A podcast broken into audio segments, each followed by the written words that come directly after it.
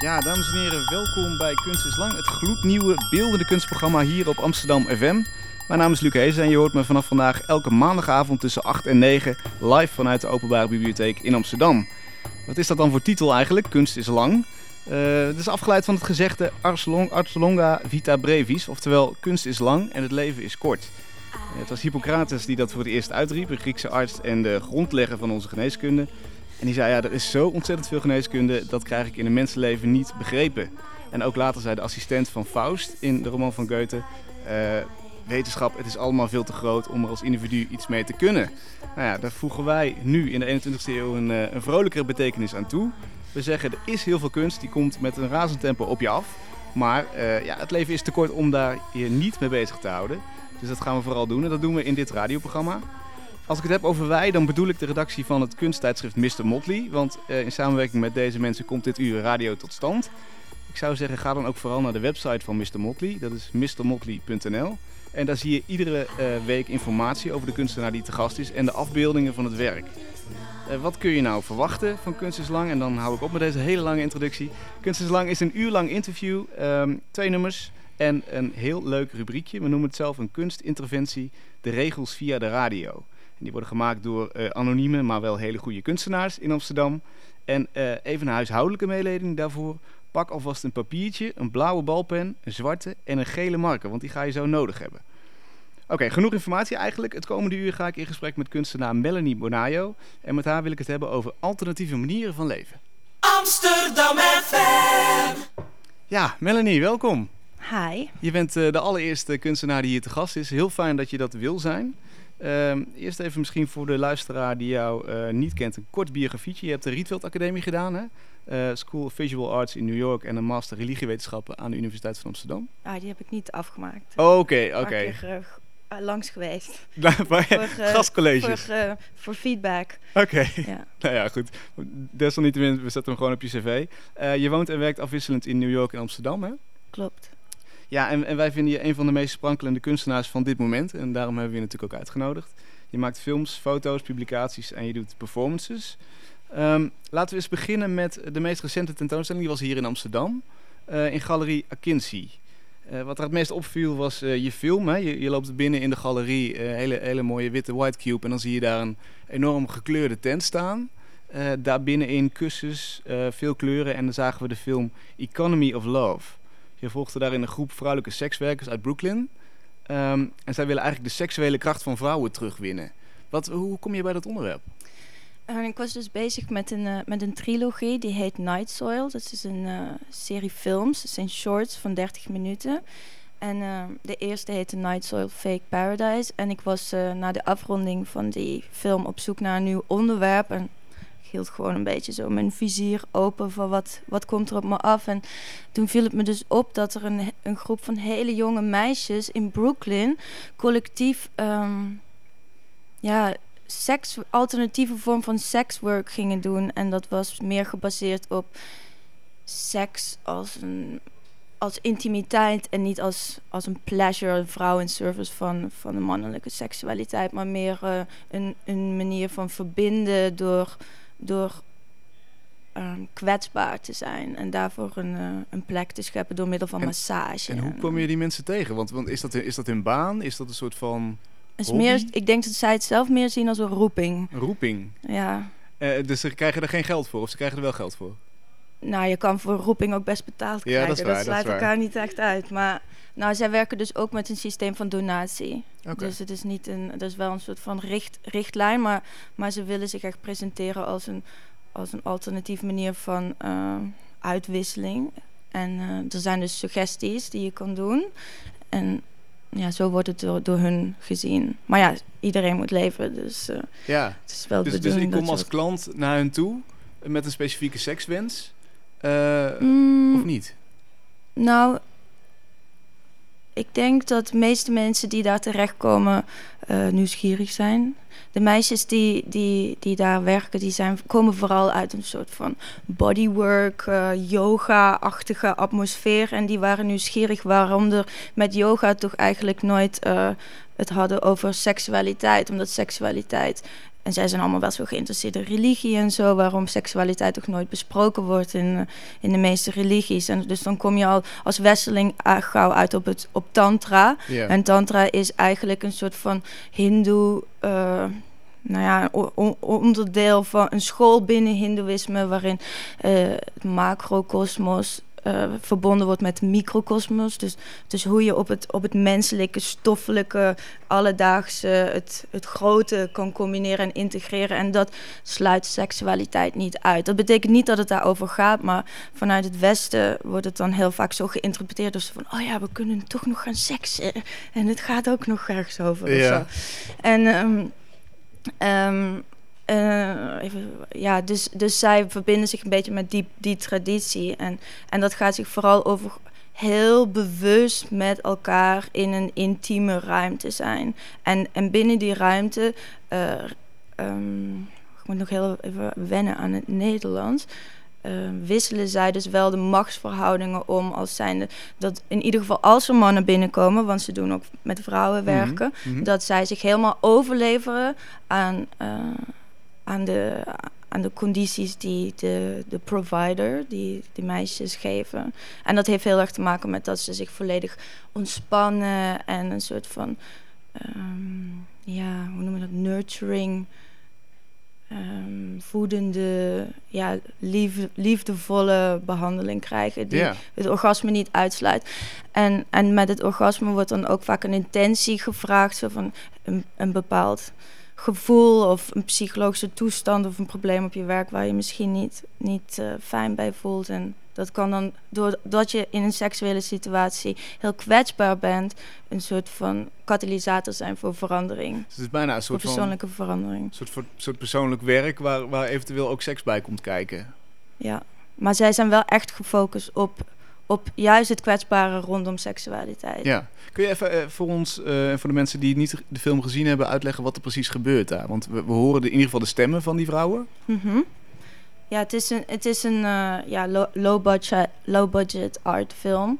Die een soort van crossover is tussen een experimentele film en een documentaire. En je hoort dus drie, drie vrouwen, drie jonge meisjes die dit werk zijn gaan doen. En hun persoonlijke ontwikkeling naar empowerment. Eigenlijk naar, naar hoe zij zichzelf eh, eerst vaak instapten en vol overgave van... nou, ik ben een soort van goddess die dit werk gaat doen. En, eh, en ik weet het allemaal al. En dan meestal toch helemaal vanwege de, de eh, uitdagingen en moeilijkheden die met dit werk ook te maken hebben. Die te maken hebben met grenzen stellen en, en ook je eigen trauma's verwerken. Vallen ze dan ook op een gegeven moment en dan komen ze in een soort van crisis en hoe ze daar weer uitkomen en hun eigen kracht Dat binnen seksualiteit ontdekken. Ja. En, en hoe kwam je hen tegen? Want eh, ik zal je, je, je woont half, dat is een beetje raar term, maar je woont ook in New York. Eh, kwam je ze tegen in het nachtleven of hoe, hoe ben je op hen op het spoor gekomen? Mm. Moet ik even goed nadenken. Hoe... Oh ja. Ja, nou, het ging gewoon via via. Dat ik zat een keer met een vriendinnetje en er kwam een ander vriendinnetje bij. En die, zat, die begon te vertellen dat zij dit, dit werk aan het doen was. En toen dacht ik, oh, hmm, want dat was maar echt een heel piepjong meisje. Van, eh, hoe, hoe doet ze dat dan? En dan was ik wel heel erg nieuwsgierig. En via haar ben ik dus in contact gekomen met zo'n hele groep die daar al jaren mee bezig zijn ook. En daarin samen gegroeid zijn en die elkaar dus ook gesteund hebben. En want ze onderstrepen ook dat juist dat collectieve ondersteuning van, van al die vrouwen samen het mogelijk heeft gemaakt dat zij zichzelf zo vrij en volwassen voelen in hun eigen seksualiteit. Want het is eigenlijk, het, het is natuurlijk meer dan een soort, eh, eh, laten we zeggen, eh, sensitieve prostituee. Het is, het is echt een soort van empowerment, zei je net al. Het is echt een soort van terugwinnen van seksualiteit op de mannelijke eh, eh, moraal. Dan is dat, dat Ja, en het is ook niet alleen voor mannen of zo, maar dat is gewoon een soort van. Meer, er is gewoon meer zichtbaarheid aan mannen die naar, naar vrouwen gaan voor, voor een soort van ja, seksuele, hoe noem je dat in Nederland, release. En, ehm, en, en voor vrouwen zijn gewoon niet zoveel van dat soort plekken. Die zijn gewoon niet echt zichtbaar of zo. zit, maar- zit daar een probleem wat jou betreft? Ja, absoluut. Is, is Ja. seks te mannelijk? Ehm, ja. denk wel dat de, de vrouwelijke seksualiteit onderbelicht is en dat er heel veel kennis rondom het onderwerp ontbreekt. Hoe zouden we dat moeten oplossen? Nou, ik denk dat meisjes beter moeten leren vertellen wat ze willen en nodig hebben. En dat is al heel wat, als je dat kan in een kwetsbare Ja? situatie. Ja. Want dat is Ja. wat we ook in jouw film zien. Hè? Dat, eh, eh, we zien heel veel vrouwen die, die naakt zijn, die, die eh, hun eigen lichaam ontdekken op een heel speelse manier. Ehm, klopt het dat, dat dat verbeeldingen zijn eigenlijk bij de voice-overs van, van de interviews van deze vrouwen uit Brooklyn? Ja, het is niet zo letterlijk. Het is meer een soort van parallele droomwereld. of, of een wereld uit het collectieve onderbewustzijn. Die, die over de voice-over is ge- geëdit. Ja. Dus, dus jij hebt die vrouwen geïnterviewd eh, met de vragen die, jou- die jou interesseren natuurlijk. Mhm. en, en toen ben je gaan denken, hoe ga ik dat visualiseren of hoe ga ik daar, wat horen daar voor beelden bij? Ja, en dat gaat, ga- is echt een soort van magisch proces wel. Dat het Leg op eens een uit. andere, andere manier... eh, ja, dat kan je dus niet uitleggen. Nee, is Het dat, is, ja, is dat, is dat zo moeilijk? Het is een beroepsgeheim. Een beroepsgeheim of magie? Oh, dat is wel weer interessant. Hoe ga je te werk? Vertel eens in, in Ehm. deze concrete situatie. Je hebt die interviews. Ehm, ja, die interviews, dat zijn dus hele lange gesprekken. Want uiteindelijk is de film 30 minuten en in elke interview 10 minuten. Maar de originele interviews zijn iets van 4 uur Zo. of langer. En dat zijn echt epische verhalen van één individu, van, van kindertijd tot het punt waarin ze nu zijn. En vaak is het ook de eerste keer dat, dat iemand die dan geïnterviewd wordt, eigenlijk zijn hele levensverhaal vertelt en de hele ontwikkeling. En, en dat is heel mooi. Maar, maar natuurlijk ben je aan, aan, aan budget verbonden en aan, aan, aan tijd. En hoeveel kan je realiseren? En wat wilde jij daaruit halen uit, dat, uit die vier uur materiaal, zeg maar? Hoe, hoe ben je tot een Ja, half dat- uur gekomen? Ja, dat is heel moeilijk. Dat is heel goed selecteren. En, en ook kijken van heel. Want er zijn heel veel parallellen in, in de verhalen. die naar voren komen over inderdaad wat ik zei. Dat ze erin gaan heel krachtdenkende, heel krachtig. En daar, daar toch een soort van klein meisje tegenkomen. die eigenlijk de situatie niet aan kan. En dan weer terug moeten om hun eigen, eigen volwas- volwassen zelf te vinden. waarin ze wel de situatie aan kunnen. En, en grenzen kunnen stellen en daarover kunnen communiceren. En, ehm, en dan is het ook weer wie vertelt het verhaal het beste. Ja. En hoe vertel je het verhaal zo compleet en zo eerlijk mogelijk. eh. En hoe kan het dan dat, dat zij daar zoveel moeite mee hebben? Want je zou zeggen, er is een beweging van, van die vrouwen... die wil een soort van nieuwe seksualiteit of een nieuwe benadering daarvan laten zien. Eh, hoe kan het dat zij, dat, dat zij daar toch moeite mee hebben? Nou, ik denk omdat de vrouwelijke seksualiteit gewoon collectief gewoon heel erg getraumatiseerd is. Leg eens uit. Door, eh, door duizenden jaren van ja, onderdrukking van de vrouw. Nog steeds. Absoluut, ja. Wat is het grootste probleem, denk je daarin?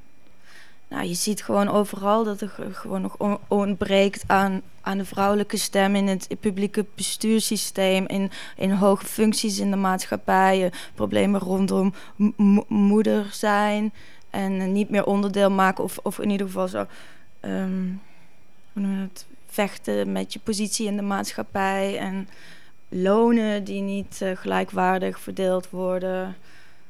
Ja, als vrouw moet je gewoon, gewoon altijd, ja ha- harder je best Harder doen lopen, of zo. ja. En, ehm, en bijvoorbeeld als je kijkt, ik vind dat het een grappige parallel als je kijkt naar zeg maar een, matriarchaat zoals eh, de chimpansee eh, variant de bonobo. Daarin hebben dus de, de apen enorme clitorises. Echt zo groot. als een voetbal. en dan denk ik, ja, god, zou er ook heel anders kunnen uit hebben gezien als vrouwmens. Zou je willen Als ruilen? we wat meer power hadden gehad. Misschien zijn onze clitorises zo helemaal geschronken, weet je wel. Van Ja. al die duizenden jaren onderdrukking. Ehm, nou ja, even, zullen we even visualisatie doen? Een visualisatie. het is dus hoe je eruit zou zien met zo'n mega Met zo'n bal tussen je benen. Ja. Zou je het Ja. willen nu? Ja, kan geen kwaad, lijkt me. Het, is wel, je maakt wel een Het statement. heeft wel wat. Ja. Ja. En dan, en dan naast, naast Maakt, de het plassende wel, maakt staan. ook weer weer dingen eh, makkelijker. Moet, moet, moeten we misschien een beetje mode aanpassen. Maar ja. Klinkt als een goed idee. Ehm, wat, wat, wat, wat, wat mij betreft heel erg naar voren kwam in jouw film is een soort van... ehm, ja, een soort van mooie andere manier om het, om het te kunnen doen.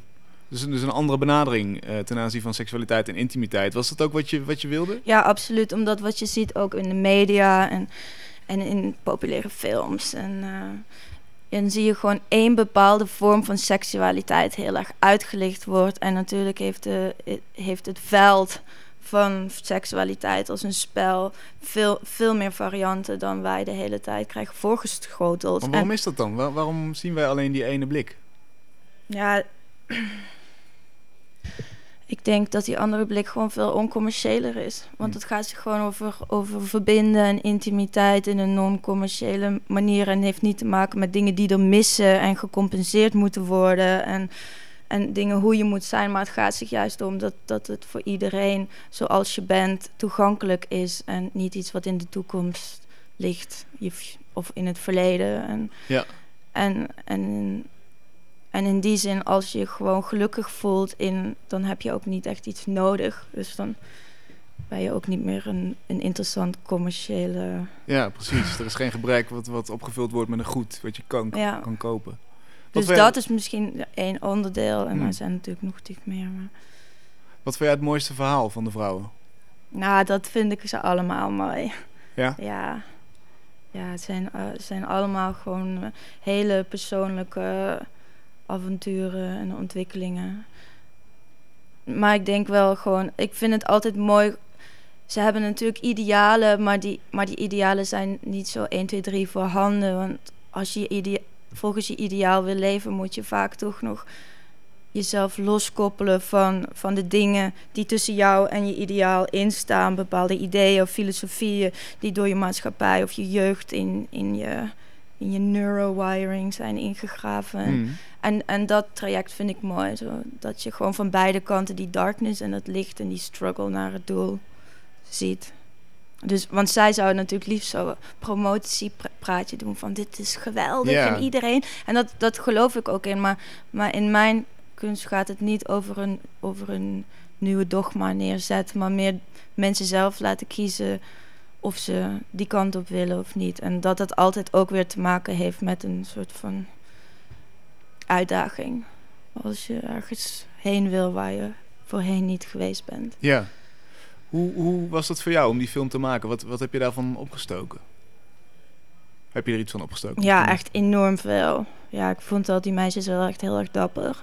Ja, ik had wel echt veel bewondering voor ze ook. eh, omdat het echt heel kwetsbaar is. En ik denk dat heel veel mensen zich wel afsluiten voor om dat echt te onderzoeken en, en al hun maskers af te laten en zich over te geven aan iets wat ja, zo fragiel is of zo. En zo intiem en zo sterk en, eh, en zo geconditioneerd. Dus eh, Ben je er zelf ook door veranderd? Heb je, ben je zelf dat anders gaan beleven? eh, ja, want we zijn hier nu in Amsterdam ook een tempel begonnen. Aha, vertel. In de Red Light District. Oké. Ja. Wat is het? Waar, waar, waar, waar kunnen, wanneer kunnen we er Het naartoe? is Waar samen het? met een eh, vriendinnetje, ehm, Isabella Finch. En we heten de Temple of Teas. We zijn nog niet open, want we zijn nog aan het oefenen. Ja. En hoe, hoe werkt dat? Hoe oefen je? Ja, dat is een beetje een delicaat... eh, daar gaan we al. Ja, we zitten in de avondprogrammering hoor. De, de kinderen zijn naar bed. Het is na acht uur. Ehm, nou, we doen full bodywork. We hebben alle twee ook ervaring met... eh, en we, doen, we worden nu op dit moment ook gehost door Jasper Grieping. Die heeft daar een residency in een... In een eh, die heet Milk. En wij gaan het hierna overnemen. En we willen een, dus, eh, een tutorial voor... ehm, zeg maar yoni-massage geven. Yoni is dan het... het eh Hindoestaanse woord voor vagina. Ja.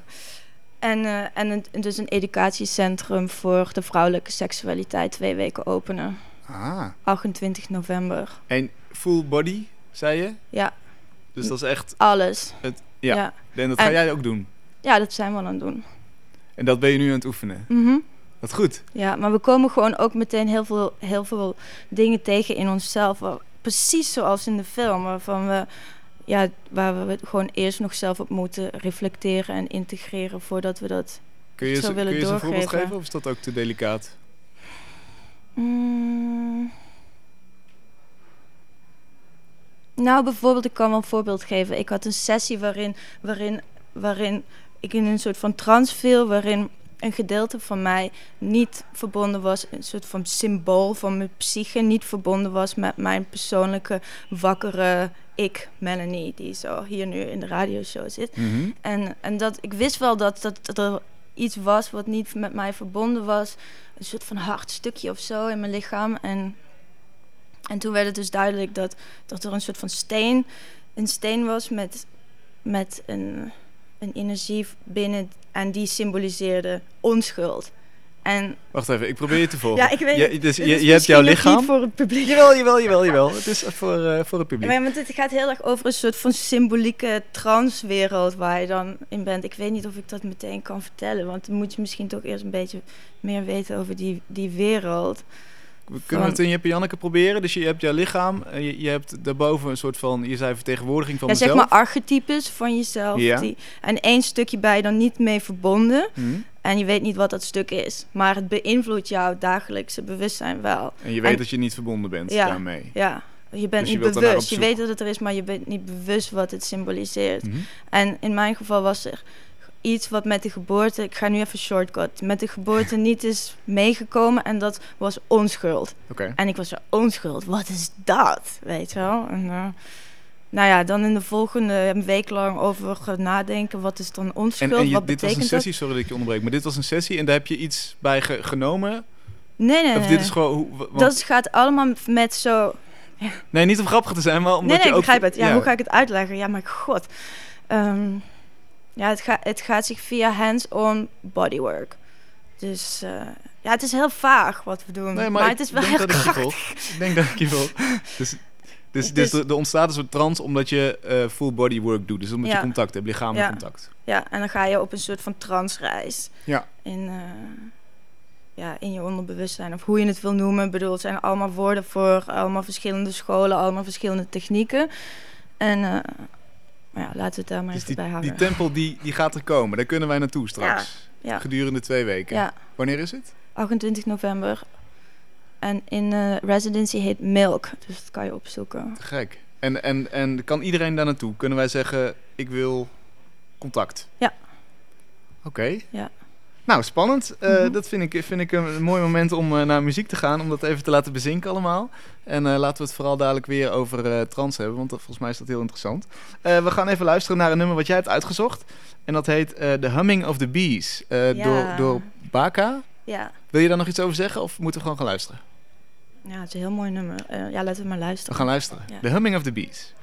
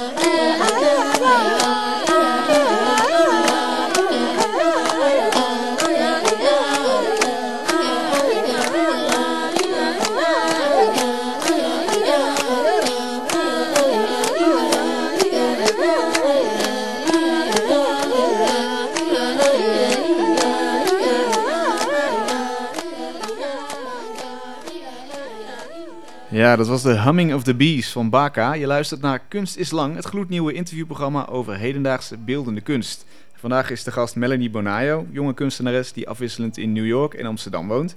En bekend staat om humoristische en mysterieuze foto's, films, publicaties en performances. Uh, Melanie, jij hebt het uitgezocht. Waar hebben we naar geluisterd? Um, we hebben geluisterd naar een, een polyphonic um, muziekstuk um, van de Pygmies. En ja. Waarom? Waarom heb je dit ja, uitgekozen? eigenlijk heb ik het uitgekozen omdat we ook het andere liedje hebben uitgekozen dat nog komt. En dat is dan een uh, Ge Georgian chant. Okay. Maar wel geschreven door een Rooms-katholieke componist en in het Latijns. Daardoor. Uh, en, dat, en beide zijn dus um, polyphonic, dus twee verschillende melodielijnen die volgens de westerse traditie dus niet met elkaar zouden kunnen samengaan. Ja. En ik vind het mooi dat, dat zo ver van elkaar vandaan in zoveel verschil, met zoveel tijd ertussen um, het systeem hetzelfde is van, van, de, van het muziek, als je de, als muziek analyseert. En, en, wat zijn het dan? Is, gaat het dan om ritme en om, om gaat symfonie? Gaat over melodieën, maar dat is meer zo'n muziektheorie. Maar, maar wel mooi dat er zo twee totaal verschillende vormen, uh, expressies zijn van binnen eenzelfde soort systeem. Ja. En, en zo ver van elkaar vandaan. En zijn die op elkaar gebaseerd of is het toeval dat die allebei zo ja. ontstaan zijn? Ja, is veel later ook in het Westen. En, uh, en ook vind ik het mooi, deze muziek is een soort van referentie van mij, van muziek zoals die misschien in de, ja, in de Paleolithic tijd was, in de stenen tijdperk. Mm Van mhm. hoe simpel en krachtig muziek kan zijn. En ook het gebruik van de stem. En de stem als uh, koor. En uh, heel simpele opbouw en repetitief. En ja. Ja, je maakt, je maakt zelf ook muziek. Daar gaan we straks nog een nummer van horen. Mm -hmm. uh, om te kijken in hoeverre jij uh, hierdoor beïnvloed bent. Oh ja, niet in dat liedje. Oké. Okay. um, het gaat heel erg anders over.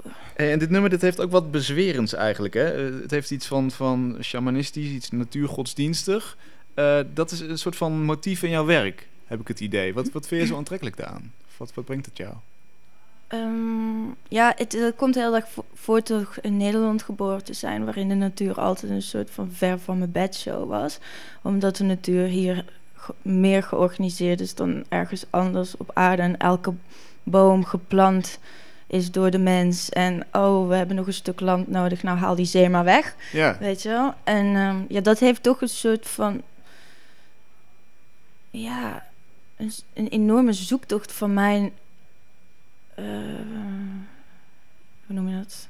Het is een enorme zoektocht van mij geweest. Maar wat is nu natuur of zo? Of wat is de wildernis? Echte en, uh, natuur, in plaats van ik, aangelegd. Ja, omdat ik dat toch altijd miste. Een soort van ja, fascinatie voor, voor heb. Maar het lijkt wel alsof ik het nooit kan vinden. Want waar je ook gaat, er ligt altijd wel weer een cola blikje of een, of een biertje of een plastic tas.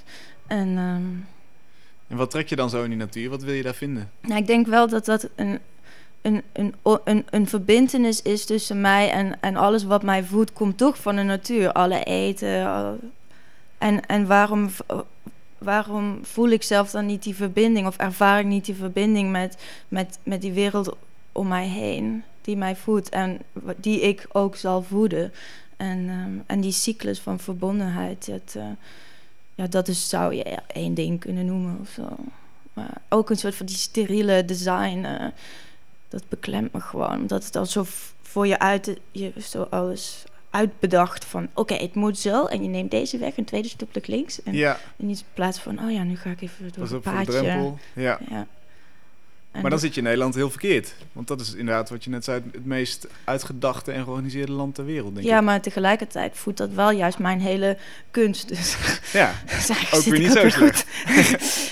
En het niet, misschien niet toevallig ook het onderdeel van uh, de, de, de eerste deel, de eerste film uit die trilogie Night Soul, ja, waar we het net over mm -hmm. hadden. Fake Paradise. Wat, wat zien we daarin? En daar volgen we dus een, een groep vrouwen die allemaal um, het psychedelische plantmedicijn ayahuasca hebben gedronken en die daardoor een een transformatie hebben ondergaan in hun leven en hun verhaal. Wat dat hun gebracht heeft en ook weer wat hun struggle was. En, uh, Want dat is echt een trip van een uur of zeven, geloof ik. Hè? Je neemt dat eenmaal in en dan begin je. Ja, het is echt een reis. Ja, en het is een ritueel, dus het is niet iets wat je, wat je neemt, wat je hoort te nemen, in mijn mening, als een recreatie of uh, nee. party drugs. Het is niet voor Pinkpop.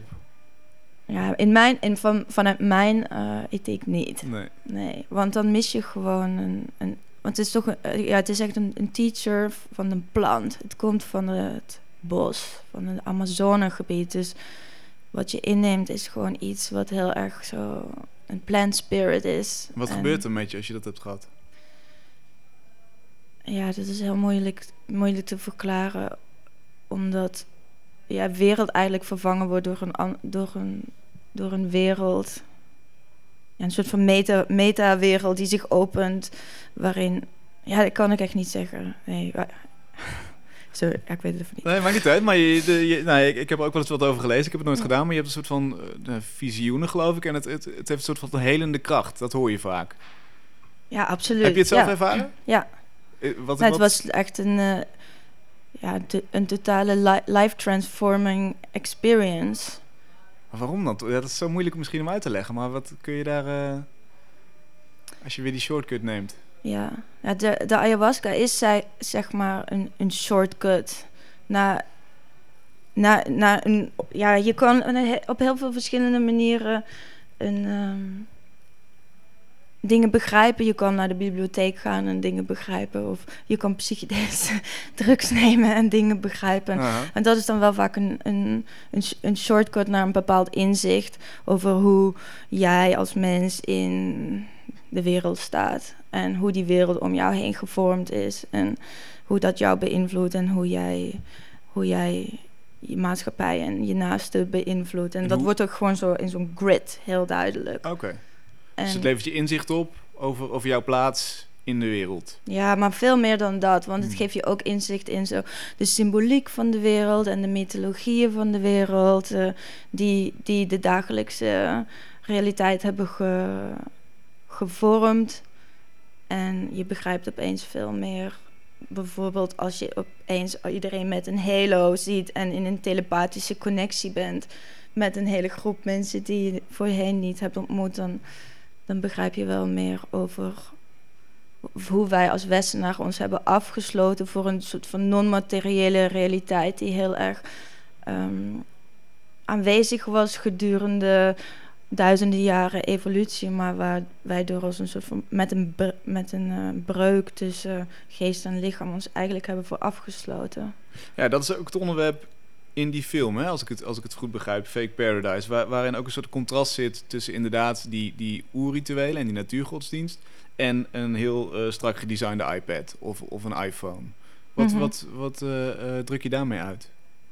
Ja, het geeft zich echt het contrast weer tussen, tussen, de, tussen de noise en de dagelijkse afleiding van uh, technologie die we om ons heen hebben, die is wel erg gebaseerd is op ego. En, en natuurlijk begeven we ons in de digitale wereld op vanuit een bepaalde optiek bekeken, ook in een transcendentale wereld. Want we zijn daar niet met ons lichaam. Mhm. En een gedeelte van onze persoonlijkheid bestaat ergens in, een, in de cyberspace. En andere mensen kunnen daarmee communiceren, terwijl wij daar zelf eigenlijk op dat moment niet zijn. Ja. Begrijp je wat ik ja, bedoel? Ja, zeker. En in principe is dat ook een transcendentaal concept, dat een gedeelte van jou in een, in een collectieve onderbewustzijn beweegt of een transpersonal space waar, waarin anderen mee in verbinding zijn. Maar de ethiek van die twee verschillende ruimten, laten we noemen de, dus de spirituele en de digitale ruimte, zijn, zijn heel anders. Ja. En, uh, er zit er een regie in wat jou betreft? Want, want het natuurlijke is maar duidelijk, zeg maar. Je, je neemt die ayahuasca en je maakt connectie met een soort van uh, spirituele wereld die je niet in het normale leven hebt. Maar je hebt ook die digitale en daar heb je ook die variant van, waar je niet fysiek aanwezig bent. Maar dat, het lijkt erop dat, dat dat minder geliefd is bij jou, klopt dat? Nou, het, het baart me wel zorgen, omdat het heel erg gebaseerd is op een soort van vluchtige impulsen. En vaak voorbij loopt aan een langdurige, meer eh,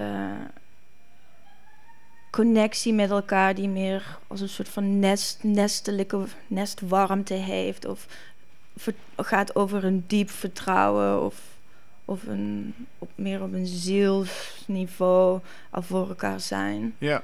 En ja. Dus die Het zijn die allemaal werelden... zo snap neurotransmitters, dopamine, boom. Like, Volgende like. hit. Juist. En, en daarmee gaat ook wel heel veel verloren aan een soort van nuance. Nou, zelfs als met geluid, of je een soort van high pitch, proef, of je hebt een heel mooie bas, met allemaal, ja. En eh, ik denk als mensen zijn we toch groepstieren, dus dat dat, dat gedeelte wel belangrijk is als, als een kwaliteit van ons bestaan, als levenskwaliteit. Oké. Nou, dat... dat, dat ja, wat, wat, hoe zouden we dat moeten oplossen? Moeten we aan de ayahuasca of is, dat, is er nog een andere manier om Absoluut. dat... eh, Absoluut, iedereen, ja. ja. Heeft ook bij, bij het afstuderen. HAVO? Is dat een idee van je tempel? Dat je daar ook ayahuasca serveert? Nee, Nee, dat, Nee. dat mag daar niet. nee dat, is, dat is niet mijn, eh, mijn eh, ding om dat te gaan doen. Want ik, ik vind wel dat iedereen die zich daarmee verbindt... Een, een keuze maakt, dat is ook gewoon een, een, een levenskeuze. Ja. En dat heeft, vereist ook een diepgang en een ehm, ja, commitment... die gewoon een leven lang gaat duren. En, en die, die ga ik niet maken. Nee, snap ik. Maar het is wel aan te raden dus. Ook voor de luisteraar thuis. Het is een, een optie die je zou moeten... Ja, maar het zou Ja. goed zijn als het gewoon gereguleerd is en gewoon eh, niet zo in de het illegaliteit. Ja, want heel even kort Is- nog. Die- hoe, hoe kom je aan ayahuasca? Dat, dat zijn... Ja, ik Nou, wil, wie, wil er een tips, telefoonnummer? Eh, zijn daar clips voor die je kan benaderen? ja, dat gaat zich gewoon via via, weet je wel. Zo. Ja. Melanie Benayo, at... We gaan ehm, even naar eh, eh, het geluidswerk luisteren van eh, Mr. Motti. Ik zei het al, eh, regel eh, pen en papier en eh, allerlei verschillende markers. Ehm, we gaan even luisteren naar het eerste deel van de rubriek Regels via de radio. De regels via de radio.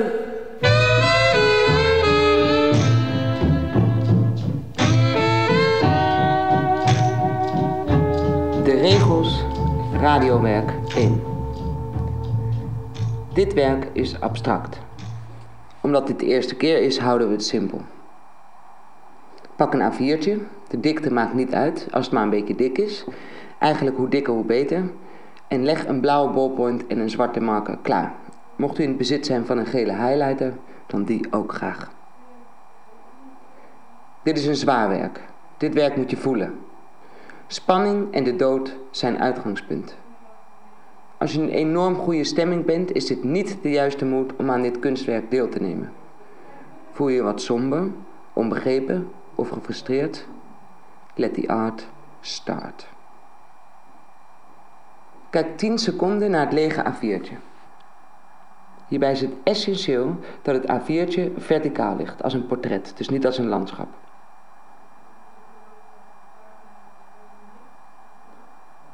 Pak de zwarte marker en maak een dikke lijn van linksboven, ongeveer 10 centimeter van de rand, tot links beneden.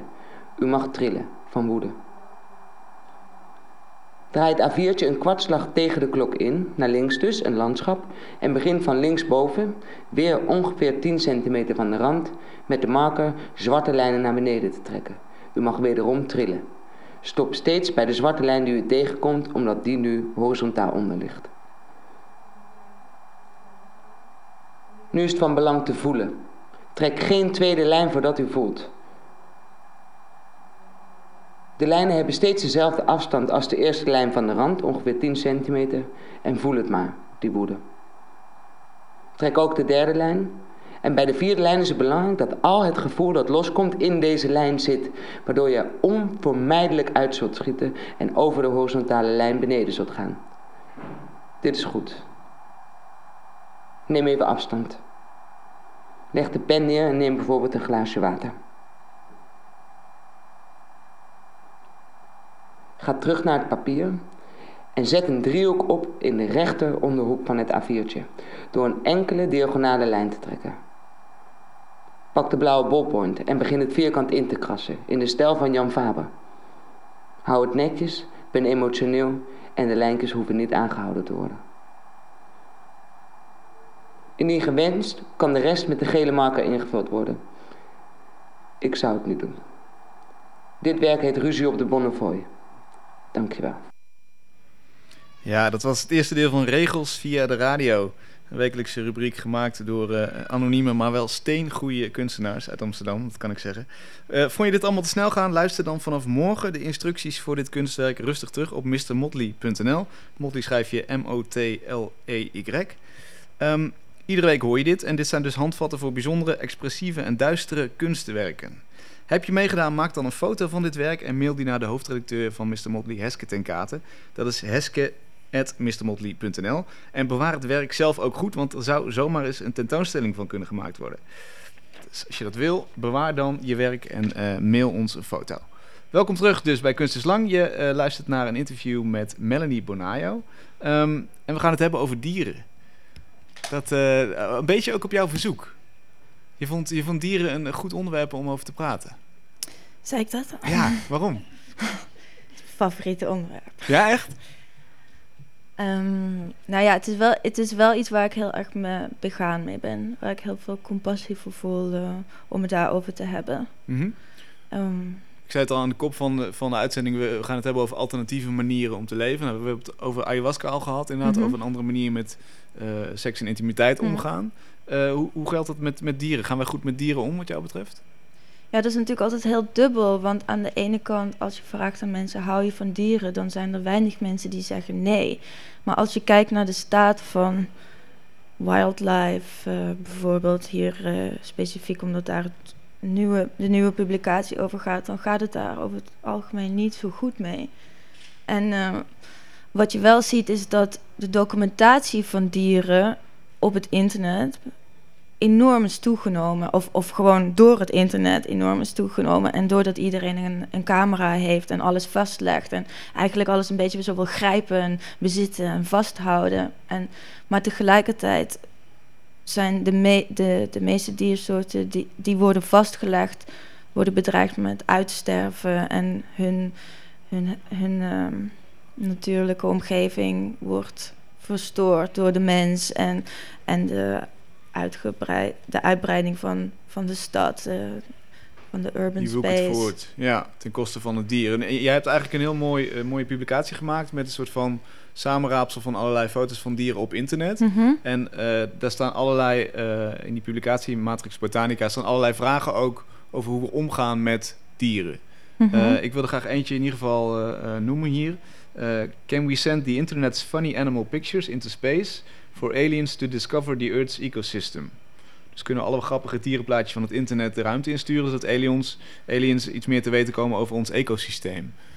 Hoe, hoe, hoe kom je op zo'n vraag? En, en wat is het antwoord? Ja, dat, dat is dus een vraag die, die voortkomt als, als ik dus naar mijn verzameling kijk, die ik de afgelopen tien jaar eh, bij elkaar heb gespaard. Sinds, sinds, de, sinds dat het internet meer toegankelijk eh, in onze huiskamers aanwezig is. Dus sinds 2005 bijvoorbeeld is YouTube ontstaan. En het eerste, het eerste clipje dat eh, geüpload is op YouTube is van iemand die voor een olifant staat. Dus in de, in de dierentuin. Dus de, de representatie van het dier en het, en het in- internet zijn heel erg met elkaar verbonden en heel erg veranderd. Dus ook gedurende de afgelopen tien jaar. En, en wat je ziet is gewoon echt een, een absurde wereld die is ontstaan in mijn, van, vanuit mijn Vertel eens, optiek. wat is er zo absurd? Nou, bijvoorbeeld als je bedenkt dat wij, nou ja, dat ik opgroeide met, eh, met documentaires van eh, National Geographic en eh, Documentary Channel en BBC, allemaal heel netjes.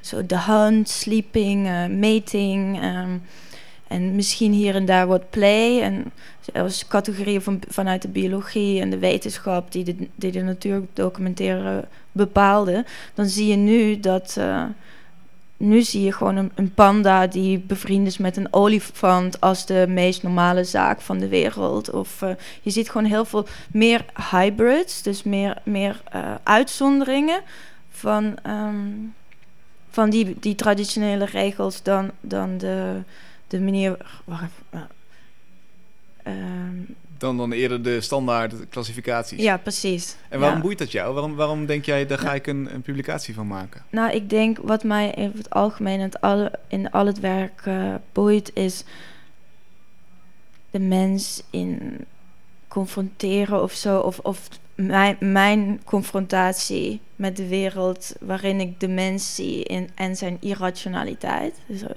soort van dark absurdity. En, ehm, en dat zie je in de, voor mij in, vanuit mijn optiek heel erg in deze publicatie. Zo, hier is weer een, eh, een, een leopard in een automobiel of een, of een dolfijn die wordt opgetakeld. En, en allemaal uh, dieren met stuffed animals. En je ziet gewoon dat de mens overal zijn sporen achterlaat en, en zijn, uh, zijn handdruk uh, oplegt. Of, en uh, eigenlijk niks met rust laat. En alles, alles moet een soort van functie hebben voor, voor de mens. En dat irriteert me ook enorm. Ja, ja want, want een van die andere vragen die die ik heel grappig, maar ook wel spannend vond, is: zouden. Um, should putting a non-human animal on display for human being enjoyment be a human right? Dus, dus eigenlijk is het een mensenrecht om, om van dieren te mogen genieten. Moet, moeten, wij, kunnen, moeten wij naar de diertuin kunnen om daarvan te genieten. Ten koste van het welzijn van het dier. Ja. Dus, um, ja, wat denk jij? ja, nou, nee. nou, nou, dit gaat dus wel. Moet, moeten we dierentuin hebben? Mag dat? Um, vanuit mijn optiek is, ja. is dat natuurlijk niet, uh, niet echt een plek die ik zou willen promoten, nee. Maar ik zie ook de problematiek rondom het opheffen van dierentuinen. Ik bedoel, waar moeten die dieren naartoe? Weet je wel, hun natuurlijke omgeving bestaat niet meer. Dus, dus nu bijna meer zo dat, dat dierentuinen ja, ja, ik hoop dat dierentuinen in de toekomst gewoon uh, shelters worden. En dat op die manier toch nog een soort verbinding van mensen met het dier kan ontstaan. Maar in deze um, artificiële manier, daar, daar ben ik geen voorstander van. Nee. Nee, en zeker niet voor bepaalde, bepaalde dieren zijn misschien best wel oké okay in de dierentuin. Maar de, de grote publiekstrekkers, zoals olifanten, die zijn lange afstandslopers. Polar bears zijn lange afstandszwemmers. Tijgers, die, dat, ja, dat is gewoon heel erg. Daar, daar kunnen ze niet meer hun authentieke zelf zijn in de dierentuin. En dat vind ik zelf heel treurig. Ja. Ja, en dat, dat, dat zit ook heel mooi in die publicatie van jou. Dus al die absurde foto's en inderdaad de menselijke inbreng daarin. Uh, die, uh, ja, die laat je toch wel even achter je oren krabben als je dat zo ziet. Hm. Um, nog meer dieren, ook in jouw liedjes. Uh, zoals ik al zei, je maakt ook muziek. Je bent ook zangeres van de band Zaza Zozo. En dit nummer heet Woke Up as a Wolf. Thank you.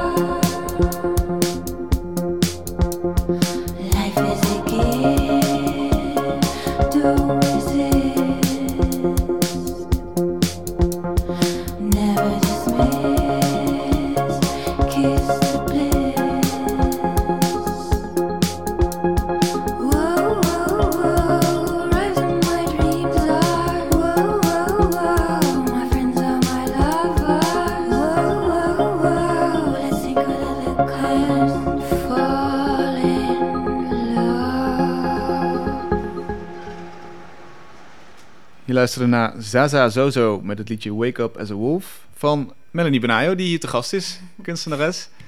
Je, je zei net al, eh, eh, ja, soms zing je en soms zit je een uur lang stil achter een microfoon. Eh, wat, wat, kun je iets vertellen over je band? Ehm, het is samenwerking met eh, kunstenaar Jozef Metzola. En die hebben we in 2009 opgericht. En we doen heel vaak hele grote collectieve on-stage performances met, met amateurs. En eh, een soort van car carnavalesk gezelschap. Ja, ik wil ook graag oproepen om naar YouTube te gaan en de clips eh, te bekijken, want die zijn ook altijd spectaculair en, eh, en heel mooi. Ehm, nog even waar we die publicatie van jou kunnen krijgen eigenlijk. Is die te koop? Ja, die is te koop via de uitgever Capricious Publishing. En eh, in Amsterdam in Atheneum en in Sans Serif Bookshop. Oké. En ga vooral naar mrmotley.nl, want daar zullen Oh ook ja. wat afbeeldingen van die publicatie, denk ik, eh, verschijnen. Mhm. Eh, te mooi om te laten liggen. hey, dan eens even over ehm, die verhouding met, met hedendaagse technologie. Daar hadden we het al heel even over. Dat zat- ook in eh Night Soil, hè, de eerste film al. Ehm, maar het is nog steeds een thema waar je nu mee bezig bent, toch? Ja, klopt. Dat blijft wel terugkeren. Een soort van... Van, ja, terugkerend thema. Terugkerend thema, wat, wat weer terugkomt. Hey, en eh, Progress versus Regress, daar wilde ik eigenlijk naartoe. Eh, dat is een film die jij aan het eh, draaien bent, hè? Mhm. Kun je daar eens wat over vertellen? En dat gaat zich over hoe technologische uitvindingen sociale relaties hebben veranderd. En dan met name de afgelopen honderd jaar. Door middel van verhalen verteld door ouderen die nu bijna honderd zijn. Die het dus allemaal hebben meegemaakt, gezien Ja. hebben. Maar tegelijkertijd is, zijn het ook gesprekken tussen, tussen een, eh, een oudere generatie en de jongere generatie in een soort van groepsdebat. En ehm, Wat kom je tegen? ja, die generatie die nu dus bijna 100 is, die hebben in hun leven zoveel en zo snel zoveel ontwikkelingen meegemaakt. Ik bedoel, mensen zijn geboren zonder, zonder bad, zonder warm water, zonder telefoon, zonder auto. En dan kan, allemaal dingen waar je tegenwoordig helemaal niks meer voor- bij kan voorstellen, omdat ze zo wat aan je lichaam vastzitten. Ja. En, ehm, en ik vond het belangrijk om dat te documenteren, ook voor, voor jongeren van nu, van hoe, hoe die tijd was. En, en dan vragen, vragen te stellen of, of zij een soort van ander prototype mens zijn. Want je kan me voorstellen als je nu met een iPhone in je hand geboren bent, dat dat, dat ook iets met je hersenen doet. En, ehm, en En ja, die film is nog in, in de maak. in de maak, hè? Maar het gaat zich tegelijkertijd er ook over hoe wij als maatschappij met onze ouderen omgaan. Want er bestaat een groot taboe rondom ouderen in onze visuele cultuur. En, en al die machines zijn natuurlijk gemaakt om ons, om ons leven eh, Gemakkelijker te maken. gemakkelijker te Ja. maken. Meer energie, meer, ehm, en meer tijd hebben voor, voor wat. En tegelijkertijd zie je dat we eigenlijk steeds minder tijd voor elkaar hebben. En dat, dat eenzaamheid een groot onderwerp is geworden. En dat zie je ook in, bijvoorbeeld met die, met die meisjes. Die werken ook heel veel met eenzaamheid. En, en de vraag is of eenzaamheid niet een soort van moderne ziekte zou moeten zijn. eh, onder, ondergebracht onder de noemer ziekte. En dat is, ja... Ja, voor dat thema gaan we jouw werk blijven volgen. Dankjewel. Eh dit was de allereerste aflevering alweer van Kunst is Lang. Leuk dat je geluisterd hebt. Dank Melanie voor je komst. Graag gedaan. Ja, super dat je er was. Vond je Dankjewel. meevallen? Leuk. Leuk. Ik vond het ook heel leuk. Ben je thuis nou geïnteresseerd geraakt in het werk van Melanie? Ga dan vooral naar de website mrmotley.nl. Daar zie je namelijk afbeeldingen van het werk van Melanie en andere interessante artikelen over en ook met haar. Eh, en dan luister je natuurlijk deze uitzending terug. Volgende week is hier te gast de Surinaams-Nederlandse Remy Jongerman. En ik praat met hem over de tentoonstelling die hij in het gemeentemuseum had in Den Haag. Waar hij zijn abstracte werk, dat geïnspireerd is op traditionele kledingpatronen uit Suriname, plaatste naast de abstracties van de stijl. Dat levert een hele mooie eh, samensmelting op, of botsing, zo je wilt. Een gesprek gaat het worden over twee werelden in de kunst. Dank allemaal voor het luisteren en graag tot volgende week bij Kunst is Lang.